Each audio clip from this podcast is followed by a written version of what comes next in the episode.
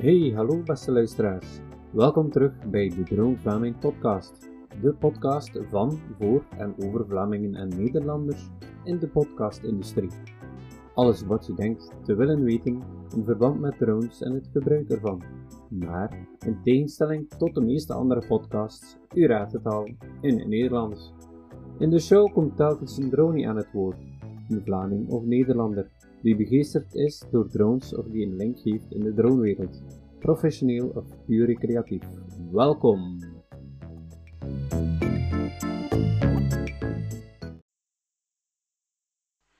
Hallo iedereen, welkom bij de vierde aflevering van de Drone Vlaming podcast. Eerst en vooral wil ik mij excuseren voor de geluidskwaliteit van de aflevering 3 met Bart Daniels van Skybase. Het geluid was blijkbaar niet echt uh, heel erg duidelijk uh, door een en ander dat ik aangepast had.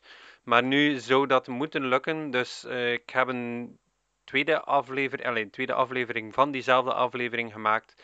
Dat zou moeten um, aflevering 3 bis zijn met Bart Daniels. Zeker interessant om eens opnieuw te luisteren. En daarom zou ik ook nog willen vragen, mocht er zoiets zich voordoen, ik heb dat niet altijd door blijkbaar, maar mocht er zoiets voordoen, um, zeker en vast reageren op drone.vlaming.gmail.com.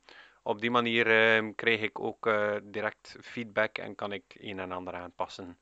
Uh, dit gezegd zijnde wil ik ook nog eens een warme oproep doen. Mochten er vragen zijn, mochten er opmerkingen zijn, mochten er voorstellen zijn, laat het zeker op datzelfde e-mailadres weten. Dan kan ik dat ook uh, meenemen voor volgende afleveringen. Wij hebben uh, deze week ook een nieuwe spreker. Dat is niemand minder dan Michael Maas. Uh, van Euro-USC Benelux. Een heel interessante babbel in verband met het bedrijf daar.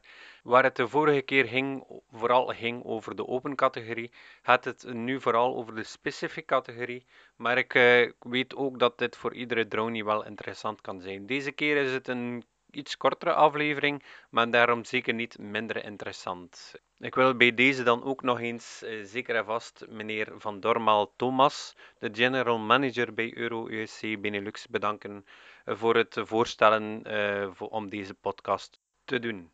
Ik zal de heer Maas zichzelf, het bedrijf en hun bezigheden eens zelf laten voorstellen. Geniet van de aflevering. Uh, goedemorgen meneer, meneer Maas. Eerst en vooral van harte bedankt dat u even de tijd kan maken. Het is waarschijnlijk heel erg druk voor u de voorbije maanden en de komende maanden. Ja, absoluut. Ja. absoluut. De overgang van de, van de wetgeving uh, maakt, het, uh, maakt het ons niet, niet gemakkelijk. Maar nee. misschien is het ook net een opportuniteit. Ja, inderdaad, inderdaad. Ik heb je reeds heel kort voorgesteld in, de, de, in het voorstukje. Maar mag ik vragen om jezelf ook eens voor te stellen en daarbij ook eens ja, je link met drones uitdoken te doen? Um, ja, ik zit eigenlijk al lang in de luchtvaart. Um, ja, eigenlijk al van in het, uh, ja, van in het, uh, laten we zeggen, het secundair onderwijs uh, ben ik al bezig met luchtvaart. Professioneel ja. dan verder gegaan. En dan, uh, ja, die drones, dat is erbij gekomen. Hè. Op een bepaald moment uh, zocht ik iets, iets meer met innovatie en dergelijke. En dan had ik had ik daar de kans om bij uh, Gatewing, uh, een Gens bedrijf, uh, te beginnen. Ja. En daar dan zo eigenlijk in gerold.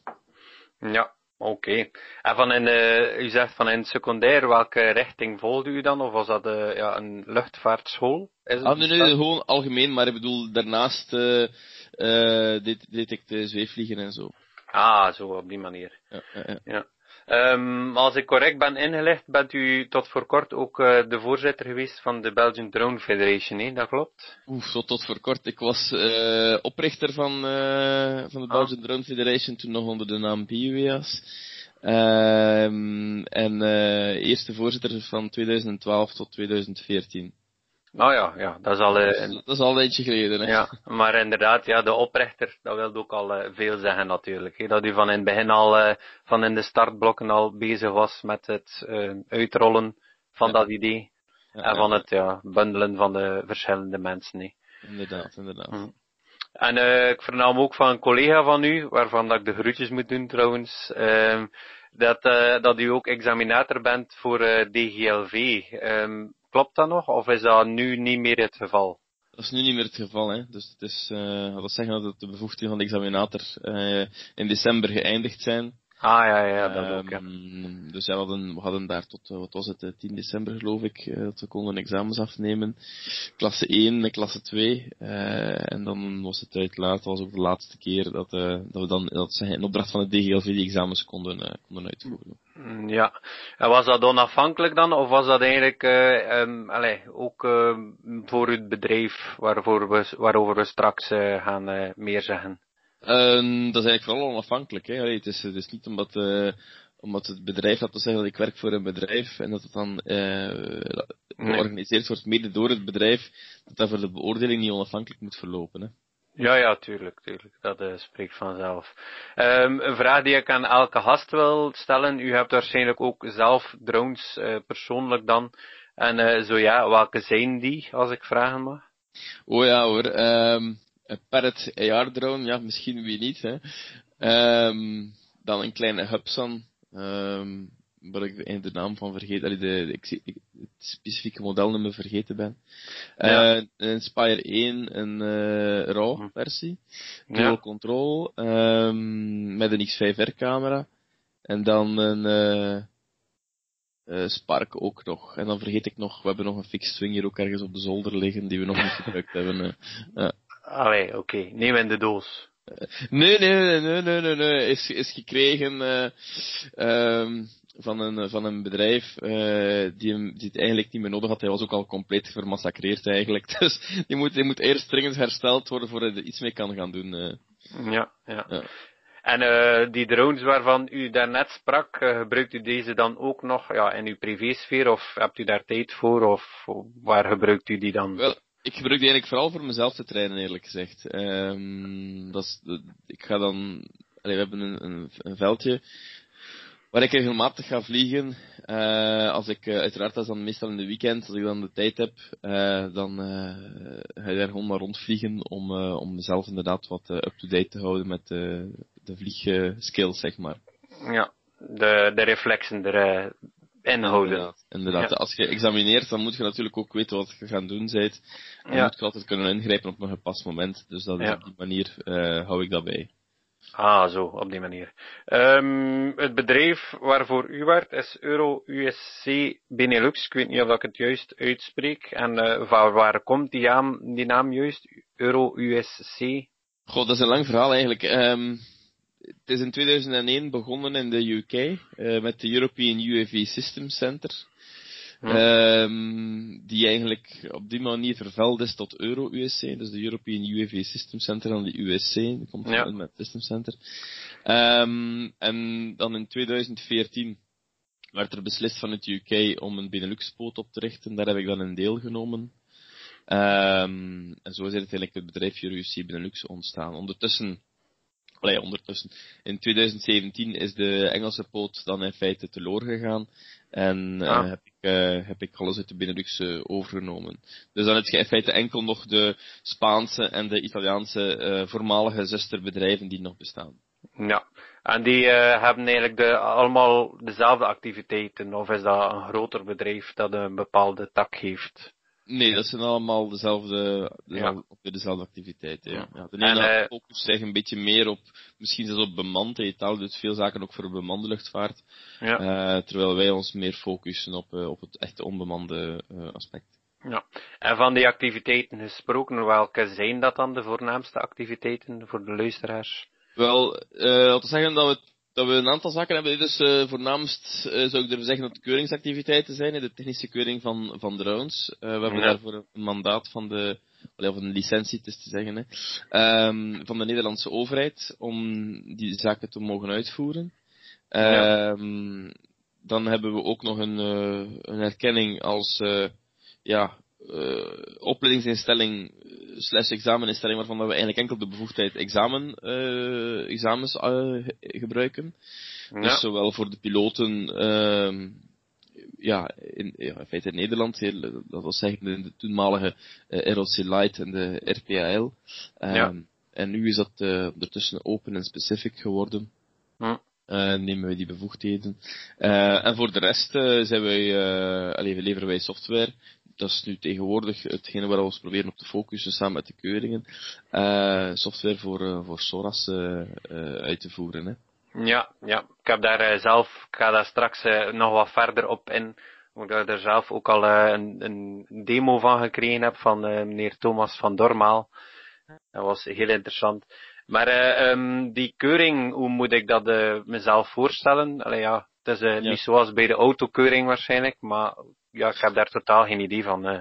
Oh, je, je, je kan het wel vergelijken. Hè? Dus um, ja. in die zin, dat het voor ons moeilijk is om te weten van hoe een producent de drone gebouwd heeft. Omdat uh, ja, die producent uh, in China is, weinig inzage geeft in hoe het systeem gebouwd is. En dat is effectief alleen maar een mandaat van de Nederlandse licentie. Wanneer dat we zouden moeten de producent gaan, gaan, laten zeggen, gaan bekijken, dan hebben we daar eigenlijk een Europese, is daar een Europese bevoegdheid voor nodig. Dat is er nu, hè, sinds de nieuwe wetgeving is dat er nu, dus dat is perfect mogelijk. Uh, maar toen dat wij begonnen zijn, was het vooral met, met ja, nationale wetgeving, dus in dit geval Nederland ja. Um, en uh, wilde men in Nederland eigenlijk dat iedere drone die rondvloog voor uh, een bepaalde categorie, dat die veilig, uh, veilig was. Hè. Als we dan kijken, 2000, 2011, 2012, als dat echt helemaal begonnen is, dan uh, was er heel veel zelfbouw in de markt. Uh, nou ja, en dat had heel wat problemen met zich mee. Uh, um, en dan uiteindelijk is dat met de Phantom en de Inspire veel veranderd, hè, veel meer uh, in, in, uh, in serie geproduceerd, mm. waardoor dat die zelfbouwrisico's zeg maar eigenlijk uh, verminderd waren. nu, we zien nog wel wat, wat, wat problemen, dus daar niet van hoor. Maar dus de keuringen van de rounds hè, gaat op verschillende niveaus. We hebben eerst een documentatiegedeelte, we hebben dan een grondinspectiegedeelte en we hebben dan een vluchttest. Hè. Um, ja. Waarbij dat we effectief het, uh, de drone gaan beoordelen op zijn kunnen en zijn doen.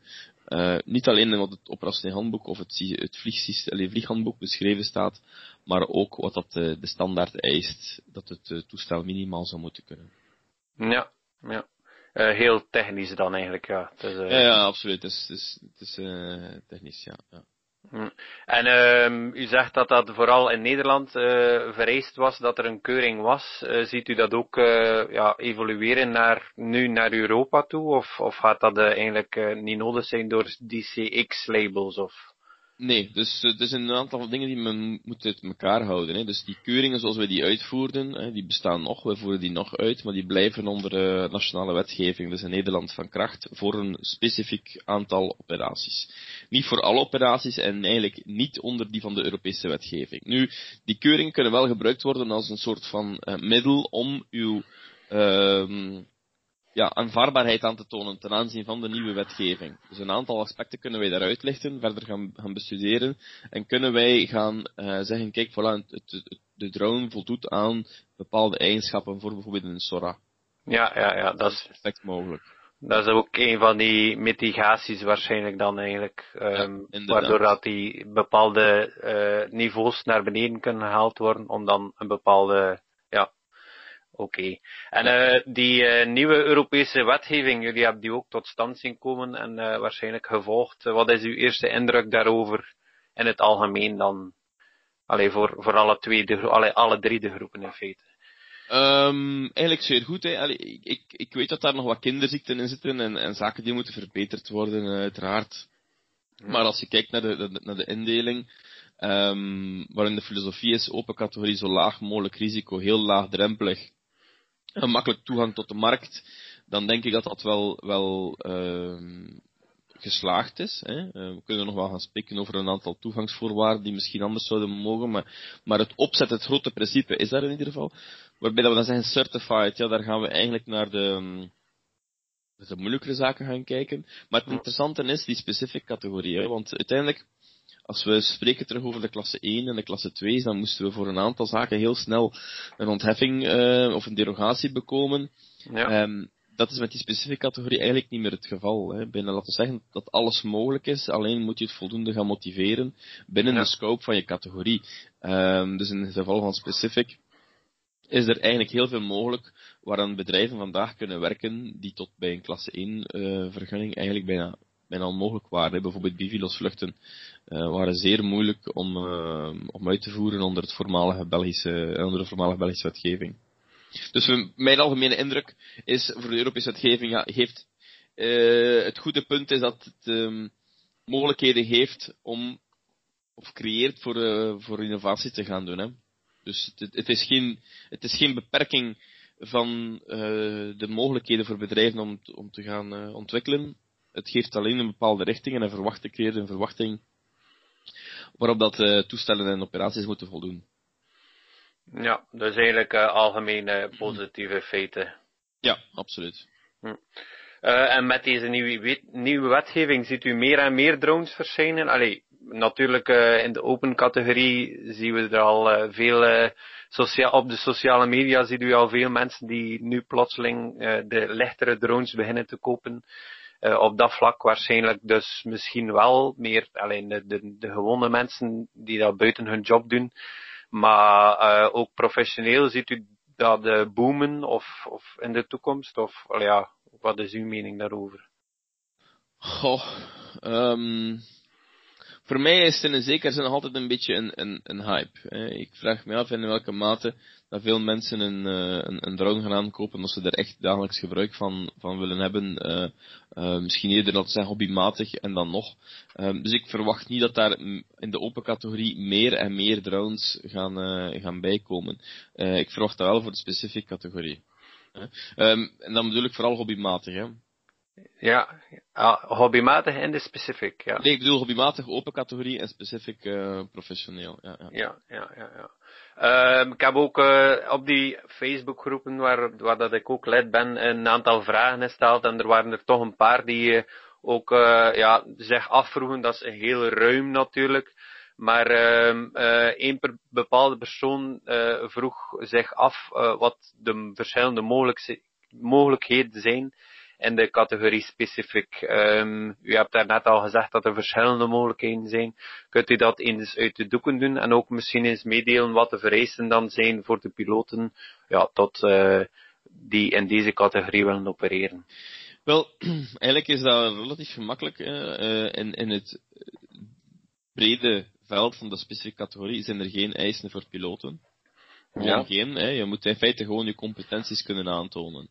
Maar, en dan begint het, um, je hebt een aantal zaken om in de specifieke te kunnen, categorie te kunnen vliegen. Dat is het standaard scenario. Je hebt de, de predefined risk assessment, zeg maar op de vooraf opgestelde risicoanalyses.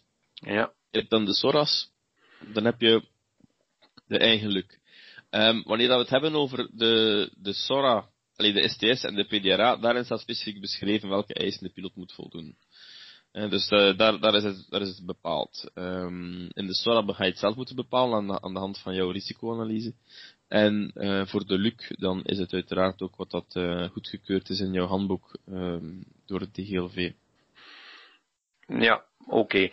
Uh, bijvoorbeeld, ik zelf had voorheen een klasse 1 licentie. Ik heb online ook A1, A3 en A2 behaald. Allee, A2 had ik door die klasse 1. Um, ehm, als ik het goed, goed heb, mag, ik, mag, mag je dan in feite al een standaard scenario uitvoeren? Of wat moet er dan nog gedaan worden praktisch? Als, alleen, mocht het zijn dat ik bijvoorbeeld, ja, ik zeg, ik zeg nu iets wil doen dat eigenlijk uh, niet toegestaan is in de open categorie, maar dan eventueel wel zou kunnen via dat Belgisch standaard scenario.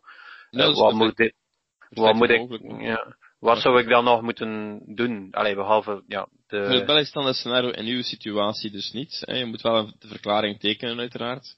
Ja. Uh, dat je daaraan, dat je daar aan voldoet, dat je kennis genomen hebt van die Europese wetgeving.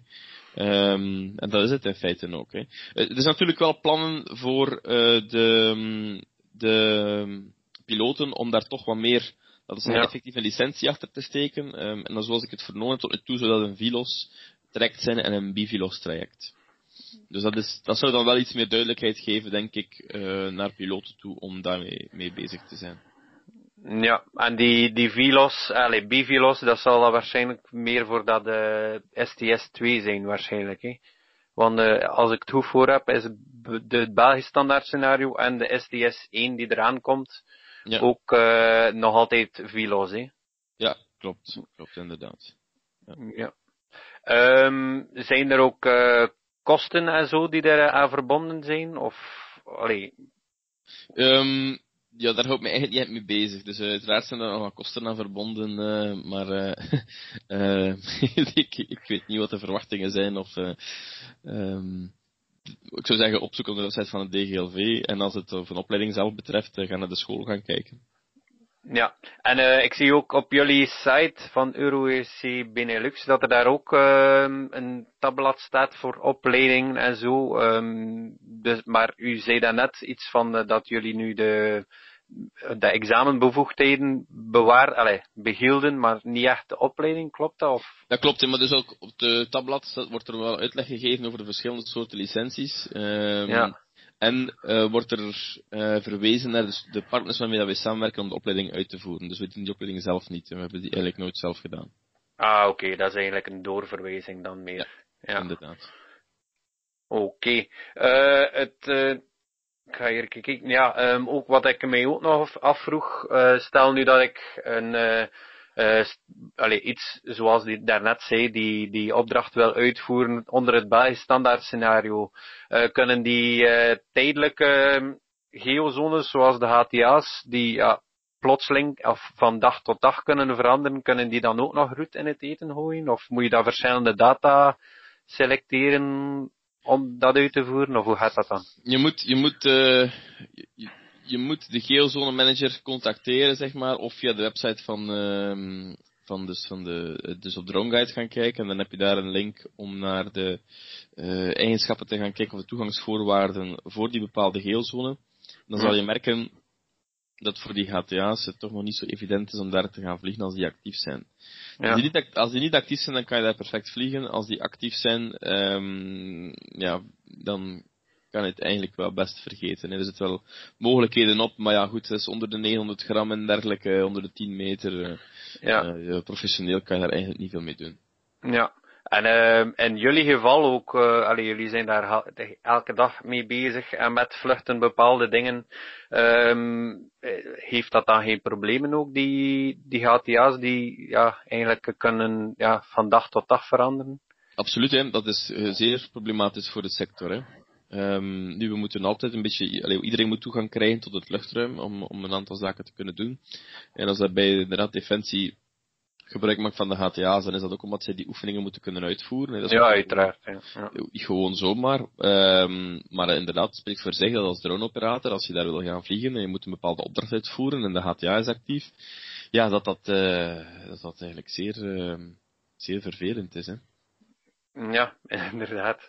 Um, kan inderdaad uh, wel, allee, ik zelf uh, heb daar geen problemen mee omdat ik daar uh, niet in zit in die sector, maar ik kan me wel voorstellen als je bepaalde opdrachten, ja, de, hebben ook waarschijnlijk een tijdslimiet of, of, of een deadline die moet gebeuren en ja. Ja, absoluut. Hè. En dan is het, is het heel vervelend dat pas om vier uur de dag voordien die publicaties eigenlijk komen wanneer de HTA nu actief is of niet actief is. En dan kan je, er kan een bepaalde verwachting zijn dat de HTA niet actief is en dan plotseling kan die toch actief zijn. Ja, probeer maar eens om vier uur, hè, uh, de ja. dag voordien alles klaar te krijgen om, uh, om, om, om in, in dat gebied te gaan, gaan vliegen of dan opnieuw alles te gaan annuleren. Um, dat is één. En twee, soms in de weekend zijn die zones ook actief, hè. Dus het is ja, geen garantie ja. om het weekend uh, te zeggen van ik ga dan, ik ga dan eens gaan vliegen. Uh, ja, kans is kleiner, maar die, die kans is er wel. Bij wijze van spreken voor bepaalde opdrachten bijna uh, handiger is of praktischer is om bijna te gaan vliegen als het donker is. Maar ja, dat is ook uh, moeilijk natuurlijk. Alleen maar voor warmtebeelden kan dat wel. Zelfs, maar, ja. zelfs in de kwestie van bepaalde HTA's, bijvoorbeeld in West-Vlaanderen, kan het zelfs zijn dat die tegen de avond ook nog altijd actief is. Dus dat is ook geen garantie. ja, inderdaad. En dan heb je nog twee ook, waar dat er, waar dat er moet rekening mee gehouden worden. Ja. Is allemaal uh, niet zo evident. Um, ik heb ook uh, het, uh, zoals ik al zei, een demo gekregen van uh, meneer Van Dormaal over de Sora, um, ja, over het Sora tool dat jullie aanbieden. Ja, dat lijkt me wel ja, een must-have eigenlijk voor ieder bedrijf die er wat serieus mee bezig is, om, om, ja, om op die manier de redelijk complexe stappen te kunnen nemen. Hè. Ja, absoluut. Dus um, de, de, de tool faciliteert het aanvragen en het bijhouden van uw, uh, van uw uh, statements of uw verklaring dat je eerder gedaan hebt. Hè. Dus als, als je moet uh, voor een bepaalde eis een, een antwoord geven, hoe je daaraan voldoet. Hè. Dus dan, um, dan kan je met het systeem een aantal voorbeeld statements of verklaringen daarin gaan invoeren. Daar wordt er nu wel keihard op gewerkt om daar meer te hebben. Ja. Um, je, je, je, je kan die daar uh, gemakkelijk dan één pdf van uitgenereren, zeg maar. En uh, ja, de bedoeling is in feite dat je telkens een mooi overzicht hebt van, uh, van de SORA's die je gedaan hebt en uh, dat je die kan hergebruiken. Hè. Je, kan, je kan natuurlijk wel in Word of in Excel iets gaan beginnen.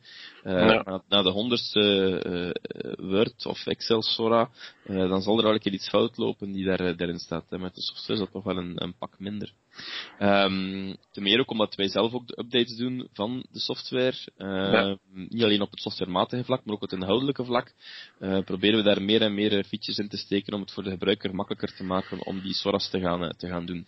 Ik denk bijvoorbeeld ook aan toestelinformatie, waarbij dat, een, een, dat we nu werken op toestelinformatie om de gebruiker in feite gewoon een selectie te laten doen van het toestel, uh, waarbij dat hij eigenlijk niet zoveel meer moet kijken naar uh, is alles wel goed beschreven en, en, en zit, zit de volledige inhoud erin. Nee, dat, dat, dat, dat, zou dat zou die operator in feite zich niet meer moeten mee bezighouden. Hè. Ja, ja. Wel, ik heb het inderdaad een keer doorlopen met meneer Van Dormaal en ja, het is waarschijnlijk een, groot werk om dat de eerste keer te doen. Maar dan lijkt het me wel inderdaad wel heel intuïtief en makkelijk om, de, allez, in de, ja, om, om zo de werken aan te vatten. Ik denk dat dat één, ene keer werk is, maar dat dat wel heel handig is. Uh, het is ook zo, hè. En we vertrekken altijd van, van laten we zeggen, een algemene basis, wat wij noemen een general ConOps. En dat kan dat vergelijken hè, met een operationeel handboek. Uh, ja. En dan ga je, dan ga je van, van daaruit vertrek je dan om telkens opnieuw uh, voor elke SORA een nieuwe ConOps te gaan genereren. Dus dan kan je daarin aanpassingen gaan maken om uw eigenlijke SORA wat meer vorm te geven. Ja, je, ja. Je, je, kan, je kan het heel, je kan een Sora heel uh, generiek gaan schrijven, maar je kan hem ook natuurlijk op een locatie gebaseerde zaken omschrijven. Um, dus die, die, die twee mogelijkheden zijn daar, maar ik kan me best voorstellen dat je vandaag zegt van kijk, ik ga een Sora beschrijven voor dat soort operaties. En dat je dan uh, vaststelt een paar maanden later van oei, ik, uh, ik kom er niet met die Sora. Uh, of er zijn toch wel wat problemen, ik ga die moeten aanpassen. En dat je op die manier met de software in feite gewoon kan starten van een, van, van een, een nieuwe kopie.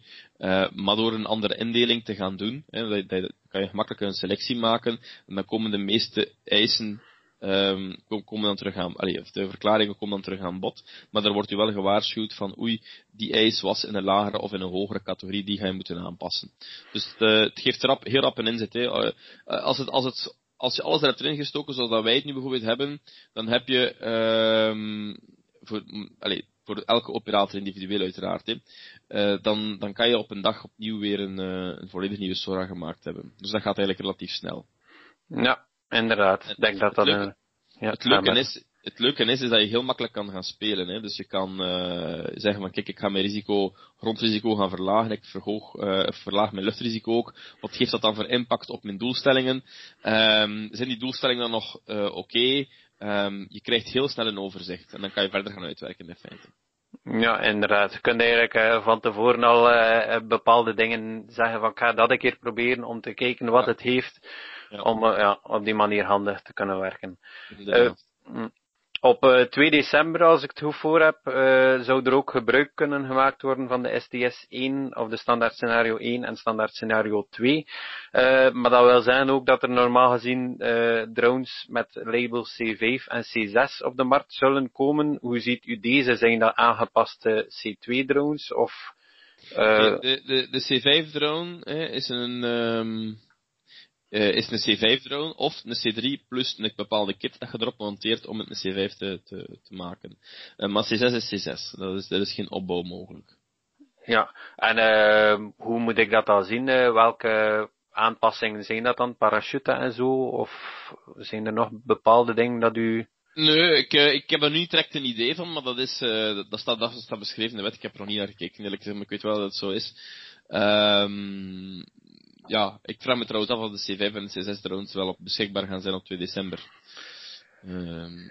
Ja, ja, inderdaad. Um, en die, die uh, keuringen die jullie dan doen, uh, zullen die ook nog uh, ja, moeten gedaan worden met die bepaalde drones? Omdat er eigenlijk al ja, van, vanuit uh, de, degene die het produceert eigenlijk bepaalde criteria moeten voldaan worden Uh, ik weet niet of dat, dat dan nog... Absoluut, ja, dus de producent gaat aan een aantal voorwaarden moeten voldoen, maar het is net dat is net het mooie aan het CE-systeem, is dat hij uh, een volledig document moet opstellen. Um, en bij hoger risico moet hij dat uh, ter keuring aanbieden aan een keuringsorganisatie. Waarbij ja. dat dan effectief bevestigd wordt in welke soort, allee, of als het nu een CE1, een C0 of wat dan ook is. Ja. met alle andere CE-eisen die er van toepassing zijn. Dus ja. Ja, oké. En zijn er, denkt u, ik weet niet of jullie daar gezegd op hebben, dat er nog andere standaard scenario's gaan uitgebracht worden? Of? Ja, ik vermoed van wel. Ik, ik denk dat we dat, uh, dat we dat binnen de vijf jaar wel uh, toch een aantal standaard scenario's gaan hebben. Het, is de, het is de bedoeling dat de mensen eigenlijk zo weinig mogelijk SORA's moeten maken ja. om, om, om te kunnen vliegen in een specifieke categorie. Wanneer, wanneer het duidelijk is voor een autoriteit dat in een bepaalde richting met een bepaald aantal toestellen gewerkt kan worden, dat er genoeg know-how is, ook naar impact toe. Hè. Bijvoorbeeld als we, als we nu iedere dag een drone zouden hebben die in dat soort opdrachten zou crashen, ja, dan weten we ook dat het niet veilig is. Maar als dat niet het geval is, um, dan kunnen we daar gemakkelijk een standaard scenario voor, voor maken. Hè. Ja, ja. Dus ik verwacht ook trouwens nog meer C, allez, een C7 en een C8 lijken mij ook ja. niet onwaarschijnlijk hoor, en die, en die, uh, die daaraan gekoppeld dan zijn. Ja. En uh, die predefined risk assessments, zijn dat eigenlijk uh, ja, voorbereidende standaard scenario's in uw ogen, of is, staat dat totaal los? Nee, er zijn PDRI's die afgeleid zijn van een standaard scenario, er zijn PDRI's die afgeleid zijn van een algemene SORA. Um, dus laten we zeggen, het, het, grote gemak is daaraan dat je zelf niet moet gaan denken van welke stap moet ik nu gaan nemen. Nee, je moet in feite gewoon argumenteren waarom dat jij vindt dat die PDRI van jou van, van toepassing is. Ja. Dus dan, staat, dat staat er bijvoorbeeld in, ja kijk, je toestel mag maximum 4 kilogram zijn. Is, ja. Dan ga je natuurlijk antwoorden, ja, mijn toestel is 4 kilogram, want hè, uh, zie pagina zoveel van mijn vlieghandboek. Uh, of uh, ik ga niet verder vliegen dan 500 meter. Ah, ja, ik heb dat beschreven in operatie handboek. Voilà. Dus, dus dat, dat maakt PDRI zeer gemakkelijk. Je moet ja. wel altijd wel wat meer werk doen dan bij een standaard scenario. Het is ja. nog altijd een, een vlucht, een, sorry, een, een exploitatievergunning die je moet aanvragen. maar het is een pak minder werk dan zelf een SORA op te stellen. Ja, inderdaad. Dat is, uh, het is een beetje tussen de twee eigenlijk, tussen standaard scenario. Ja, oké. Okay.